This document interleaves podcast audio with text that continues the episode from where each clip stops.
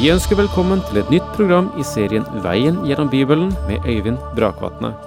Denne studieserien er produsert av P7 Kristen Riksradio og bygger på serien Through the Bible av Vernon McGee. I dag fortsetter vi med gjennomgangen av Markus evangelium.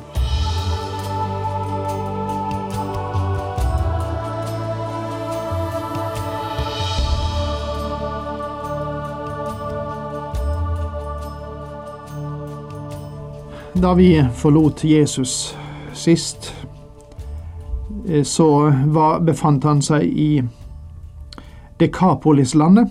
Og Dekapolis vet du nå betyr landet der de ti byene finnes.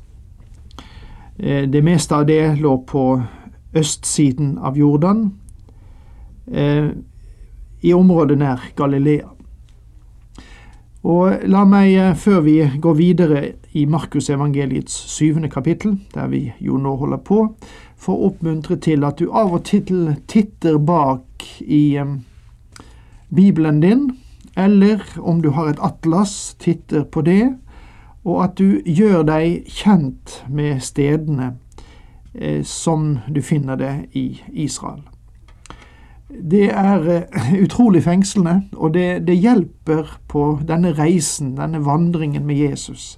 Hjelper oss i forståelsen både av Det gamle og Det nye testamentet, å være litt geografisk orientert. Så um, titt lite grann på kartene. Men nå tilbake igjen til Markus 7, vers 32, og der står her førte de til ham en mann som var døv og hadde vondt for å tale, og de ba ham legge hendene på ham. Jesus tok ham med seg bort fra mengden. Han stakk fingrene i ørene hans, tok spytt og rørte ved tungen hans, løftet blikket mot himmelen, sukket og sa til ham, Effata, det betyr lukk deg opp. Da ble ørene hans åpnet, og tungen ble løst så han talte rent. Jesus påla dem at de ikke skulle fortelle det til noen. Men jo mer han forbød det, dess mer gjorde de det kjent. Folk var overveldet og forundret og sa, Alt han har gjort er godt. Han får døve til å høre og stumme til å tale. Alt han gjorde ble utført som en hjelp til å kunne tro. Hele tanken her avslører det faktum at denne mannens situasjon fikk Jesus til å bruke denne metoden. Hans øre ble først åpnet så han kunne høre. Etter dette virket det umulig å forsøke å få folkemengden til å holde seg i ro og være stille.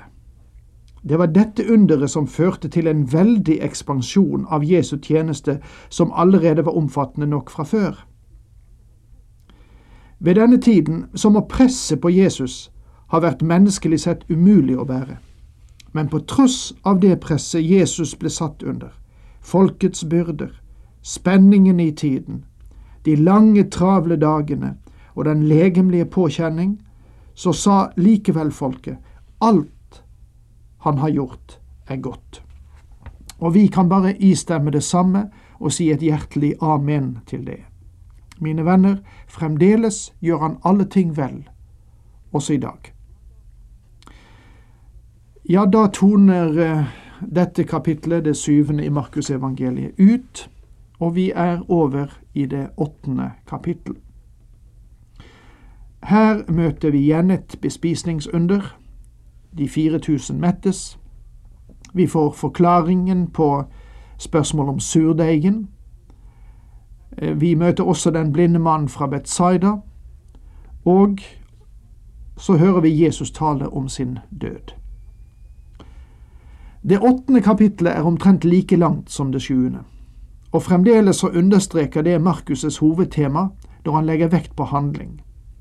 Jesus metter de 4000 ved stranden ved Dekapolis-landet.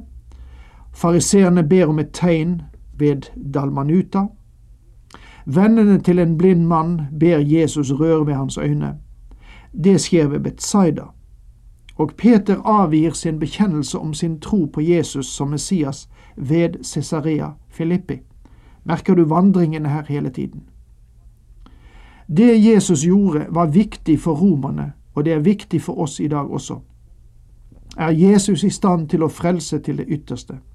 Kan han gjøre det han har sagt. Han er Guds tjener, og vi finner at han har makt til sin gjerning. Vi ser av dette kapitlet at Herren beveger seg over et ganske stort område. Og det var ingen motorveier ved den tiden. Landet er lite, eh, omtrent eh, på størrelse med Telemark fylke. Men når du skrur hastigheten ned til vanlig gangfart, så blir det ganske stort.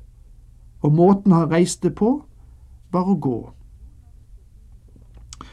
Noen mennesker synes å anta at bespisningen av de 4000, som er begynnelsen på dette kapitlet, er bare et duplikat av bespisningen av de 5000, og så blir denne hendelsen praktisk talt oversett. Det har fått noen til å si at bespisningen av de 4000 er Jesu neglisjerte mirakel. Når en kritiker kommer til denne lignelsen, så er det vanskeligste at han forsøker å skjære bort fra Bibelen det overnaturlige. Forklaringen på dette under er at det ble hektet på etter bespisningen av de 5000 for å styrke apostlenes krav om at Jesus var en undergjører. Ja, slik sies det. Hvis det var sant, så burde det ha vært slik at det andre underet var større enn det første. Istedenfor 4000 ville det vært mer nærliggende med 10 000, fordi når menneskene produserer og ordner, så har de en stadig stigende kurve. Stadig større bedrifter. Stadig større effektivitet. Stadig høyere salgstall. Men her går det den motsatte veien. De to underne med å mette store folkemengder er forbausende lik hverandre på flere punkter. Han metter tusener, en gang er det fem, og neste gang er det fire. Men det er sju punkter som markerer forskjeller mellom disse to undere, og som jeg vil be dere være oppmerksom på. For det første, ved første anledning hadde folkemengden vært sammen med Herren én dag, men ved det andre tilfellet hadde de vært med ham tre dager. Ved første anledning ble disiplene bedt om å gå og se etter hvilke forråd som var disponible, mens de ved det andre tilfellet sto klar med den informasjonen før han spurte. Da de 5000 ble mettet, var det fem brød og to fisker, mens det for de 4000 var sju brød og noen fisk. Første gang var det nær påsken, Folket ble bedt om å sette seg i grupper i gresset, mens de ved det andre tilfellet var senere på året når det grønne i Midtøsten ville være svidd av gjennom sterk sol over lengre tid, og da ble de bedt om å sette seg på bakken. Bokstavelig talt står det på jorden. Ved første tilfelle skal Herren ha velsignet brødene, mens han annen gang takket for brødene og senere velsignet fisken. Etter at de 5000 hadde fått mat, var det tolv kurver mat igjen, men da de 4000 ble mettet, var det sju kurver til overs. Og helt åpenbart, for å ta det til sist, var det forskjell i antall på de folkemengdene som ble mettet. Det virker som om vi finner kontrasten mellom disse to ved de tidspunktene da Jesus mettet de forskjellige folkemengder. Da han mettet de 5000, var det ved avslutningen av den første dagen. Jesus hadde undervist dem, men ifølge Johannes så ble bespisningen etterfulgt av talen om livets brød. Denne viktige talen var en slags avslutning på måltidet. Da han mettet de 4000, hadde disse vært sammen med Jesus i tre dager og lyttet til hans undervisning og tildelingen av mat etterfulgte undervisningen. Med andre ord hadde mengden ikke kommet for å spise, men for å høre Jesu tale og undervisning. Jeg tror at dette er en viktig lekse for oss. Er vi for avhengig av å bruke kaffe og servering for å trekke folk? Da bør vi kanskje tenke om igjen. Mange kan ikke få folk ut under uken uten at de har bevertning. Noen bibelstudiegrupper ville ha dødd i løpet av kort tid hvis de ikke hadde kaffe og mat. Hadde det ikke skjedd en tyngdeforskyvning slik at det gode lett kan opptre som det bestes fiende? Vel, jeg gir ikke noe svar, men bare kaster ut en tanke. Hensikten helliger ikke nødvendigvis middelet. Når vi nå begynner å lese teksten, så legg merke til at på den tid plasserer denne hendelsen under hans periode i Dekapolis. Folket hadde åpenbart fulgt Jesus et stykke ut i ørkenen hvor det var god samlingsplass. Men ikke så enkelt å få frem forsyninger. Store folkemasser følger ham nå. På denne tid hendte det igjen at en stor folkemengde var samlet, og de hadde ikke noe å spise. Da kalte han disiplene til seg og sa, Jeg synes inderlig synd på folket. De har vært med meg i tre dager, og de har ikke noe å spise. Sender jeg dem sultne hjem, kommer de til å bli helt utmattet på veien. Noen av dem kommer jo langveis fra. Disiplene svarte, Hvordan kan noen skaffe mat her i ødemarken til å mette alle disse? Han spurte dem, Hvor mange brød har dere? Sju, svarte de. Da ba han folket sette seg ned på bakken. Så tok han de sju brødene, ba takkebønnen, brøt dem i stykker og gav til disiplene, for at de skulle dele ut til folket. Det gjorde de. Det er noe meget interessant her. Det virker som om disiplene hadde glemt at han hadde mettet 5000. Og jeg heller til den oppfatning at mange av oss har en lignende erfaring.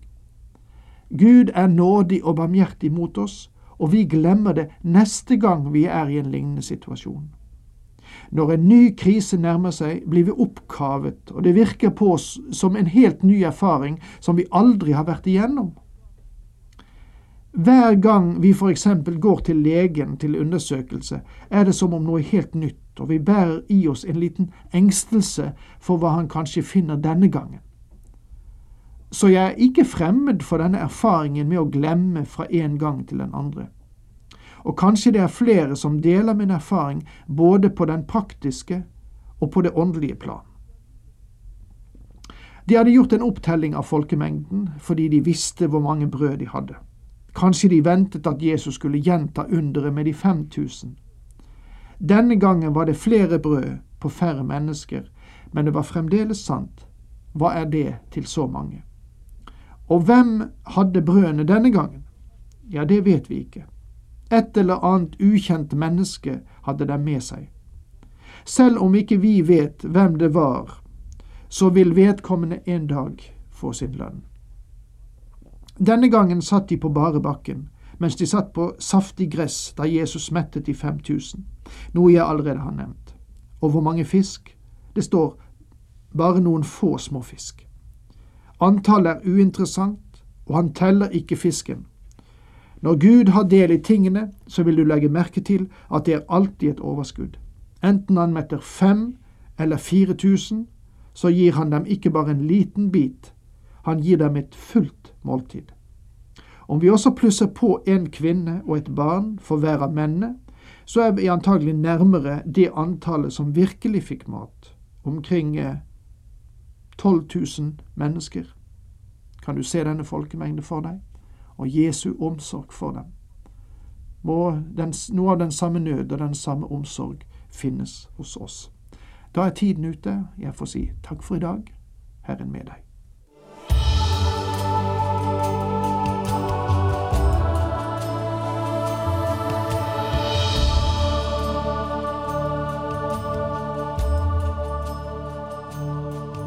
Du hørte Øyvind Brakvatne i studieserien Veien gjennom Bibelen. Serien bygger på et manus av Vern McGee.